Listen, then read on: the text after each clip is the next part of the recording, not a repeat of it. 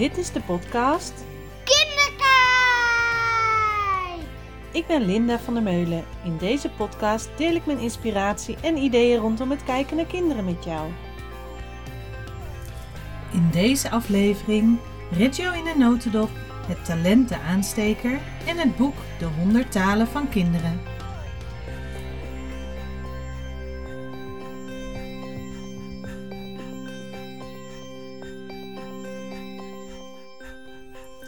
Wat super dat je weer luistert naar deze allernieuwste aflevering van Kinderkijk de podcast.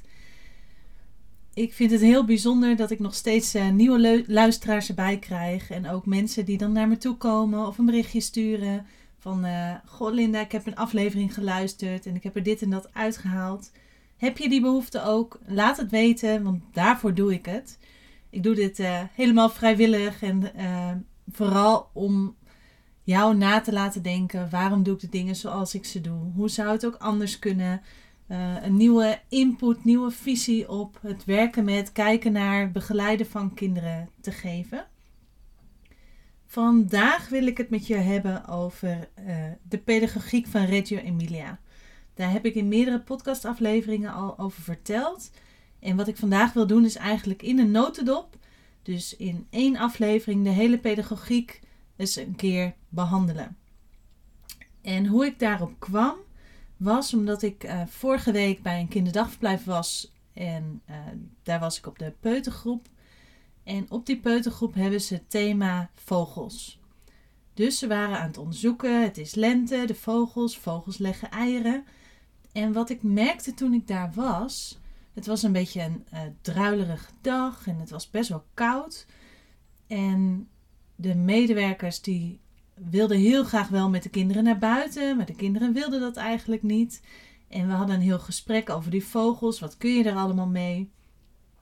En in dat gesprek kwam ik er eigenlijk achter hoe belangrijk het is om je bewust te zijn waarom je bepaalde keuzes maakt.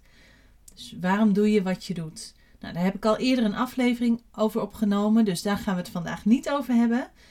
Maar de boodschap die ik daarmee wil geven is vooral het kijken naar de keuzes die je allemaal tijdens een dag met kinderen maakt. Want die keuzes allemaal bij elkaar maken hoe je uh, omgaat met de kinderen. Hoe je activiteiten doet met kinderen. Of je als ouder bijvoorbeeld heel actief met de kinderen bezig bent. Of vooral ze heel erg zelfredzaam maakt. Dat ze zichzelf kunnen redden, zelf kunnen spelen. Of dat je ervan uitgaat dat kinderen al wel heel veel in huis hebben, of juist nog niet. En om even terug te komen op die vogels. We hadden dus een heel mooi gesprek over de activiteiten rondom dat vogelproject. Want waarom maak je die keuzes om bepaalde activiteiten aan te bieden? Bij een project over vogels kan je natuurlijk heel veel dingen doen rondom die vogels. Je kan vogels tellen, vogels natekenen, vogels bekijken, filmpjes kijken over vogels. En al die activiteiten die je kiest, die hebben een bepaalde reden. Want je kiest een bepaalde activiteit, bijvoorbeeld om de ontwikkeling te stimuleren. Bijvoorbeeld om een kind iets te leren over hoe werkt dat met een vogel, hoe zit die in elkaar, uh, hoe heten die dingen um, op de plek waar wij armen hebben, oh, dat heet vleugels. En hoe gaaf is het als je in plaats van al die antwoorden geven, dat zijn vleugels, dit is een snavel, dat zijn zijn poten, om juist op onderzoek te gaan naar de ideeën van het kind over die vogel. En dan kan het zomaar zijn dat je project, dat je thema ineens een hele andere wending neemt. Want misschien zijn die kinderen helemaal niet geïnteresseerd in dat het een snavel heet, maar willen ze er hele andere verhalen mee vertellen. Of vinden ze vooral de nesten die de vogel bouwt heel interessant? Of juist de eieren? Of, nou ja, er zijn honderdduizend mogelijkheden. Naar mijn idee kan je wel drie jaar lang over de vogel werken. Terwijl ik helemaal geen vogelkenner ben en niet geïnteresseerd ben eigenlijk in vogels. Alleen mijn intentie is dat je dus met kinderen op zoek gaat naar hun ideeën over een onderwerp. Dus in plaats van dat jij als volwassene bedenkt wat een onderwerp betekent en wat je er allemaal bij zou kunnen doen aan taal, aan rekenen, aan allerlei vaardigheden, draai het eens om. Ga eens kijken naar de kinderen. Waar komen ze zelf mee? En ga dan kijken naar wat kan ik eventueel weglaten of toevoegen of herhalen, waardoor je nog meer uit zo'n onderzoek kan halen. Om een beetje helder te krijgen waar dit vandaan komt, is het voor wat mij betreft de pedagogiek van Reggio Emilia die mij de handvatten heeft gegeven om zo te kunnen kijken naar en werken met kinderen. Als je googelt naar Reggio Emilia boek in Nederland, dan kom je al heel gauw op het boek De 100 talen van kinderen. En ik geef iedere podcastaflevering een boekentip. En dat is dan ook de boekentip van mij van deze week. Maar ook wel een beetje een dubbele. Want ik merk dat boek, De 100 talen van kinderen, die heeft als subtitel de Reggio Emilia benadering bij educatie van jonge kinderen. Het is echt een boek gericht op kinderen van 0 tot 6 jaar. Nou, als ik mijn eigen boek bekijk, zitten er heel veel post-its tussen met stukjes die ik interessant vond. En dat is eigenlijk ook wel wat voor mij typerend is voor dat boek. Want het boek, ik zal eens even kijken, heeft 334 bladzijden. En omdat het 334 bladzijden heeft, heeft het bij mij misschien wel, nou, een hele poos geduurd voordat ik hem echt doorgeploeterd had. Zo voelt het ook een beetje. Het is naar mijn idee vooral een boek wat je doorbladert en als je een stukje interessant vindt, dat je dan dat hoofdstuk of dat stuk leest. Het is een soort eh, bundeling van verschillende artikelen van verschillende mensen over de pedagogiek van Reggio Emilia. En die mensen zijn wel mensen uit Italië. Dus mensen die daar de pedagogiek uitzetten. Ehm, maar het zijn vooral hele lappe tekst, heel veel ideeën over het uh, werken met kinderen. Dus ik zal daar ook ehm, in andere podcastafleveringen misschien wel hier stukjes uithalen om eens te analyseren wat zou ik daarmee kunnen. Tenminste, dat is een van de ideeën uh, die ik heb met mijn podcast, dat ik dat uh, meer of op die manier ga doen. Wat ook zo is met dat boek, is dat hij vooral heel veel tekst bevat. En dat je hem zelf dan nog de vertaling naar de praktijk moet maken. Er staan wel een aantal praktijkvoorbeelden in, maar niet heel praktisch. Maar het is wel echt een heel waardevol boek als je de verdieping in wil. Als je echt nog meer body wil in het kijken naar kinderen um, vanuit deze pedagogiek. Of als je je wil verdiepen in deze pedagogiek en je houdt heel erg van lezen, dan is het echt wat mij betreft een aanrader om dit te doen. Het heeft mij wel geholpen in het meer woorden krijgen voor de pedagogiek.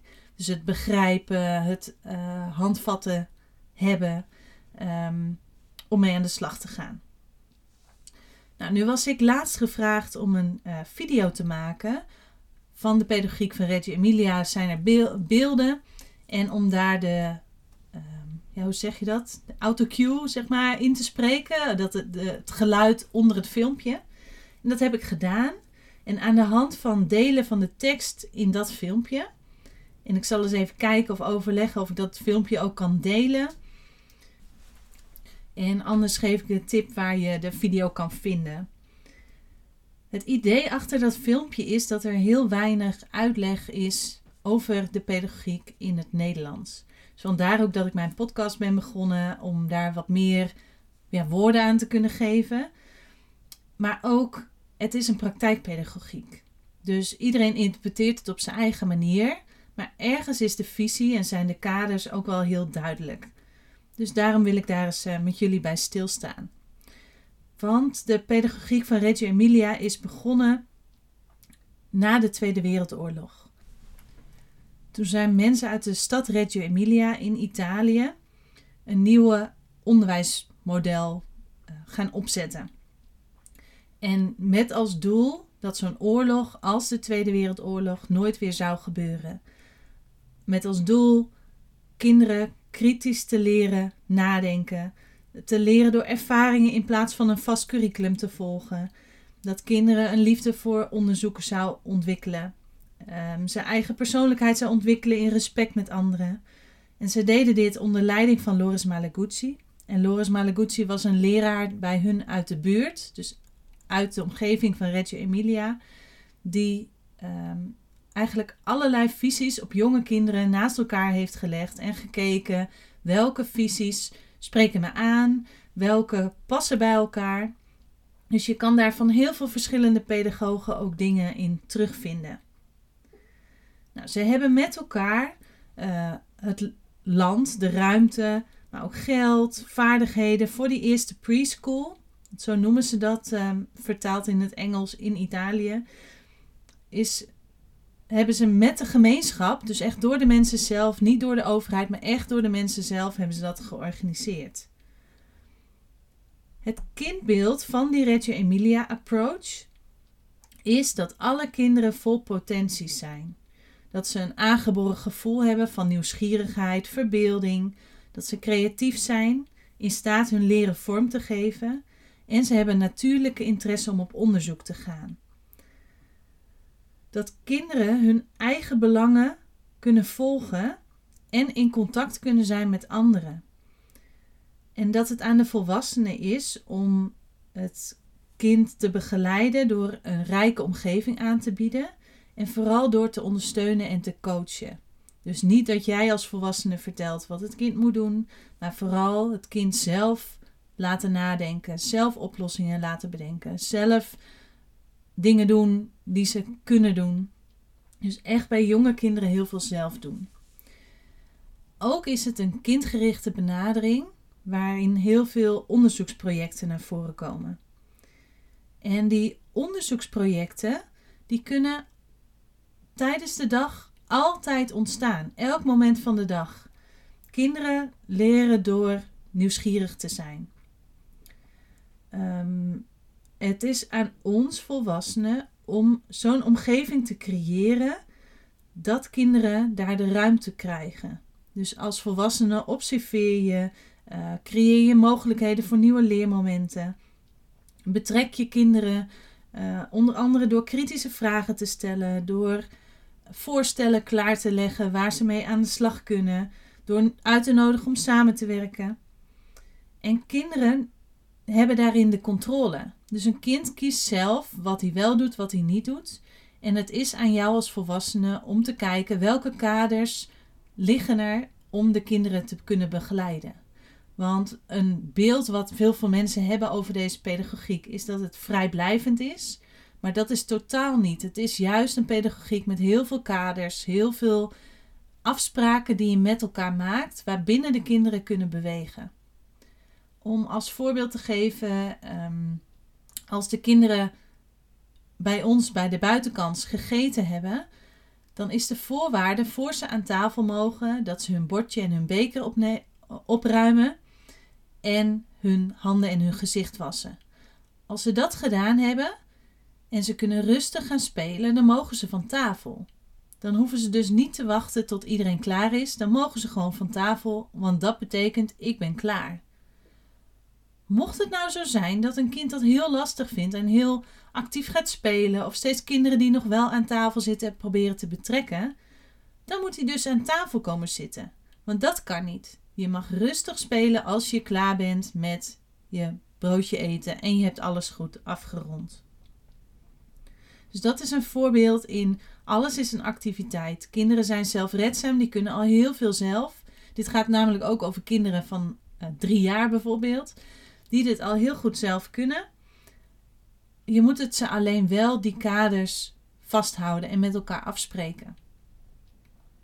Maar kinderen hebben dus de controle want als een kind zich niet aan die afspraak houdt, dan kan het ook niet. Maar kinderen hebben ook de controle in keuzes qua activiteiten. Wat ga ik wel doen, wat ga ik niet doen en op welke manier doe ik dat?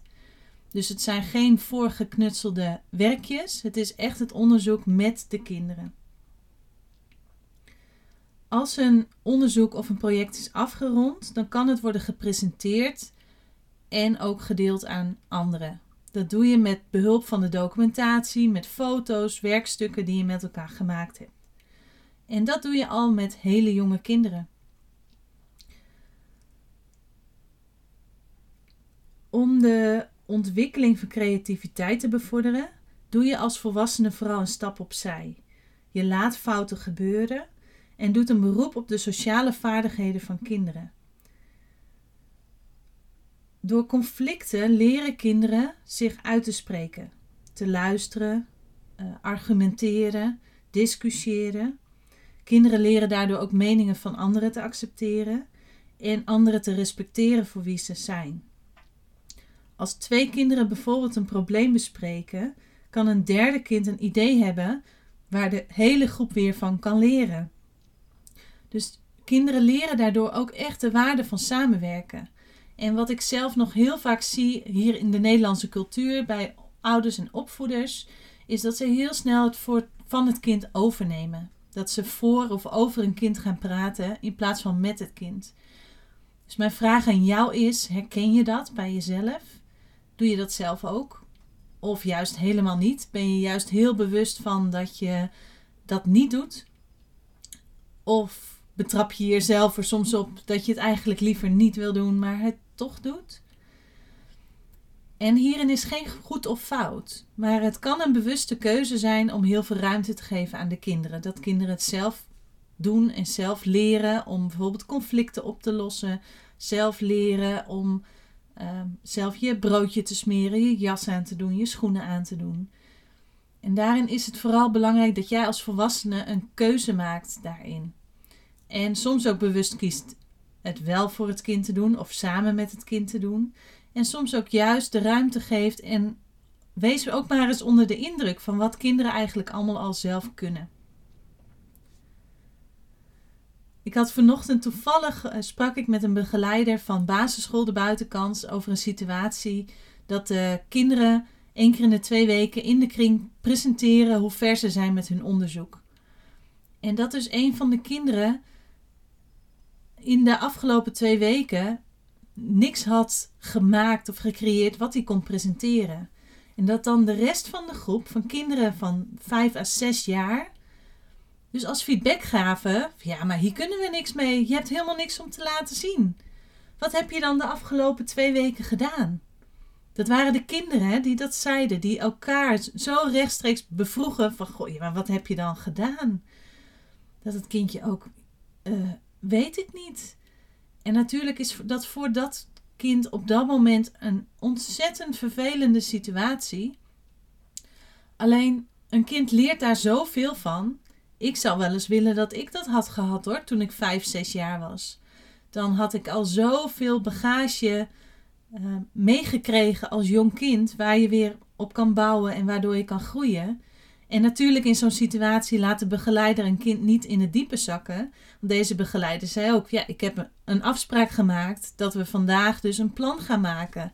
Van wat kan jou helpen om wel tot onderzoek te komen. Of in ieder geval tot resultaat te komen tot iets wat je kan gaan presenteren. Want het is ook belangrijk om dat proces wel uh, gaande te houden, in gang te houden. Dus die ontwikkeling van creativiteit en ook vaardigheden is heel belangrijk. Het van elkaar leren, elkaar aanspreken op dingen. Dat proces volgen doe je aan de hand van documentatie. En documentaties zijn foto's, video's, geschreven observaties, werkstukken, het kunnen ook ideeën zijn die op post-its bijvoorbeeld vastgelegd worden, uitspraken, uh, weergave van gesprekken. En er zijn heel veel vormen van documentatie. Daar zal ik een latere keer wel uitgebreider op ingaan. Maar wat je vooral moet beseffen is dat documentatie er is om een proces vast te leggen.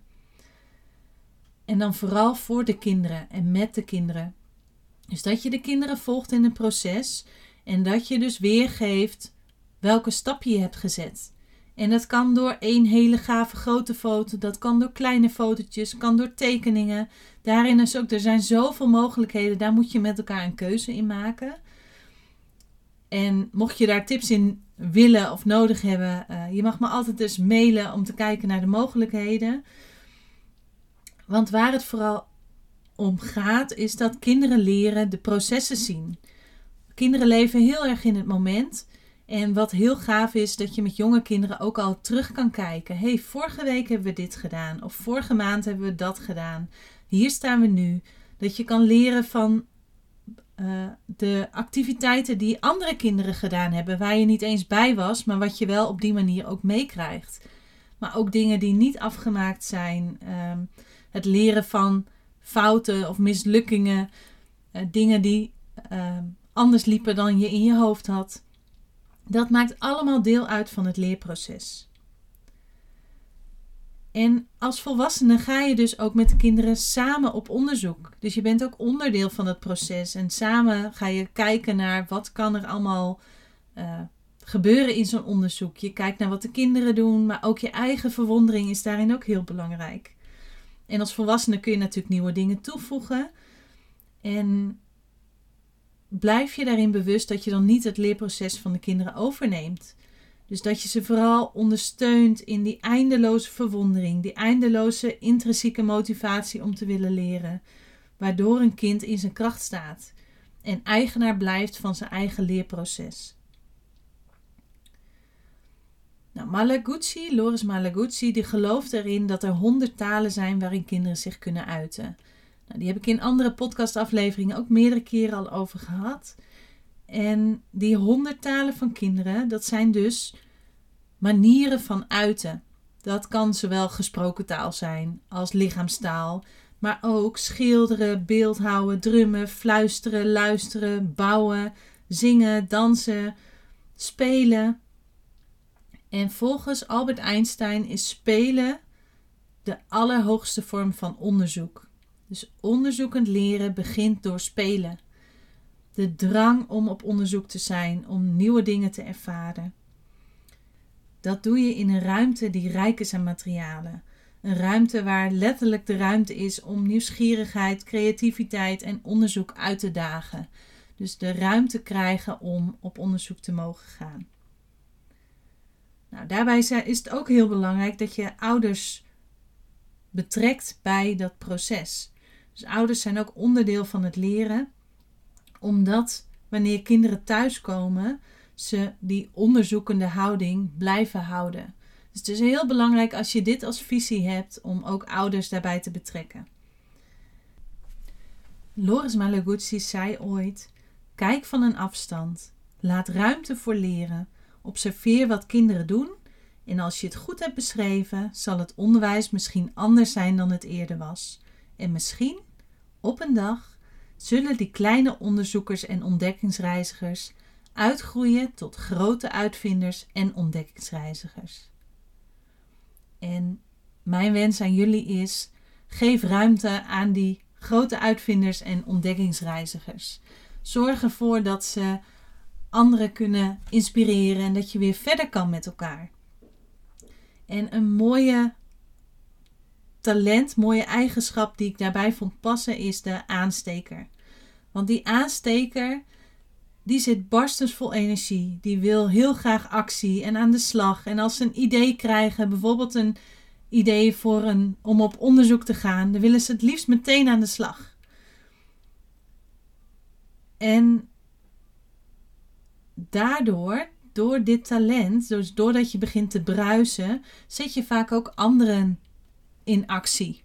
En dat is ook met zo'n pedagogiek zo. Als jij ideeën hebt en ehm, in een groep kinderen hebt waar meerdere aanstekers zitten, want zo heet dit talent, dan zul je zien dat het gaat bruisen. Dat je met elkaar tot nog meer ideeën komt. En dat het niet gaat om het al ontdekte antwoord, maar juist om het samen tot gave projecten en ideeën komen.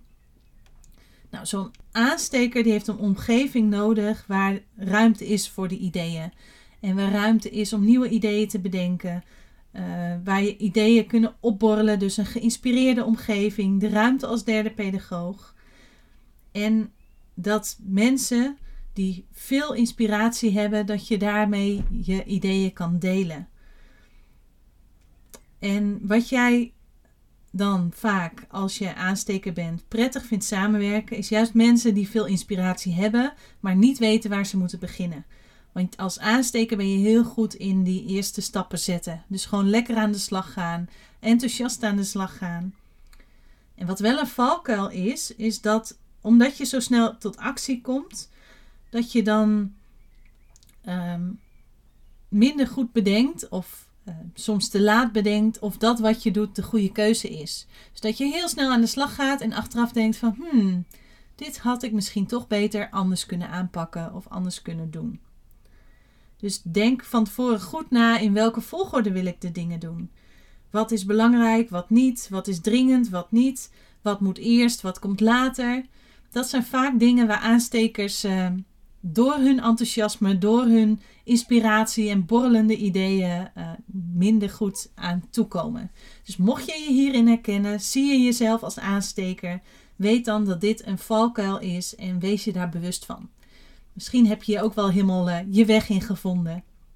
Ik ben heel benieuwd of je je hierin herkent en ook hoe je het uh, pedagogiek verhaal over de pedagogiek van Reggio Emilia vond. Of je daar vragen over hebt, over een bepaald stuk, een bepaald concreet onderdeel. Bijvoorbeeld over documentatie, bijvoorbeeld over de ruimte als pedagoog. Bijvoorbeeld over de volwassenen als begeleider of juist het onderzoek doen met de kinderen.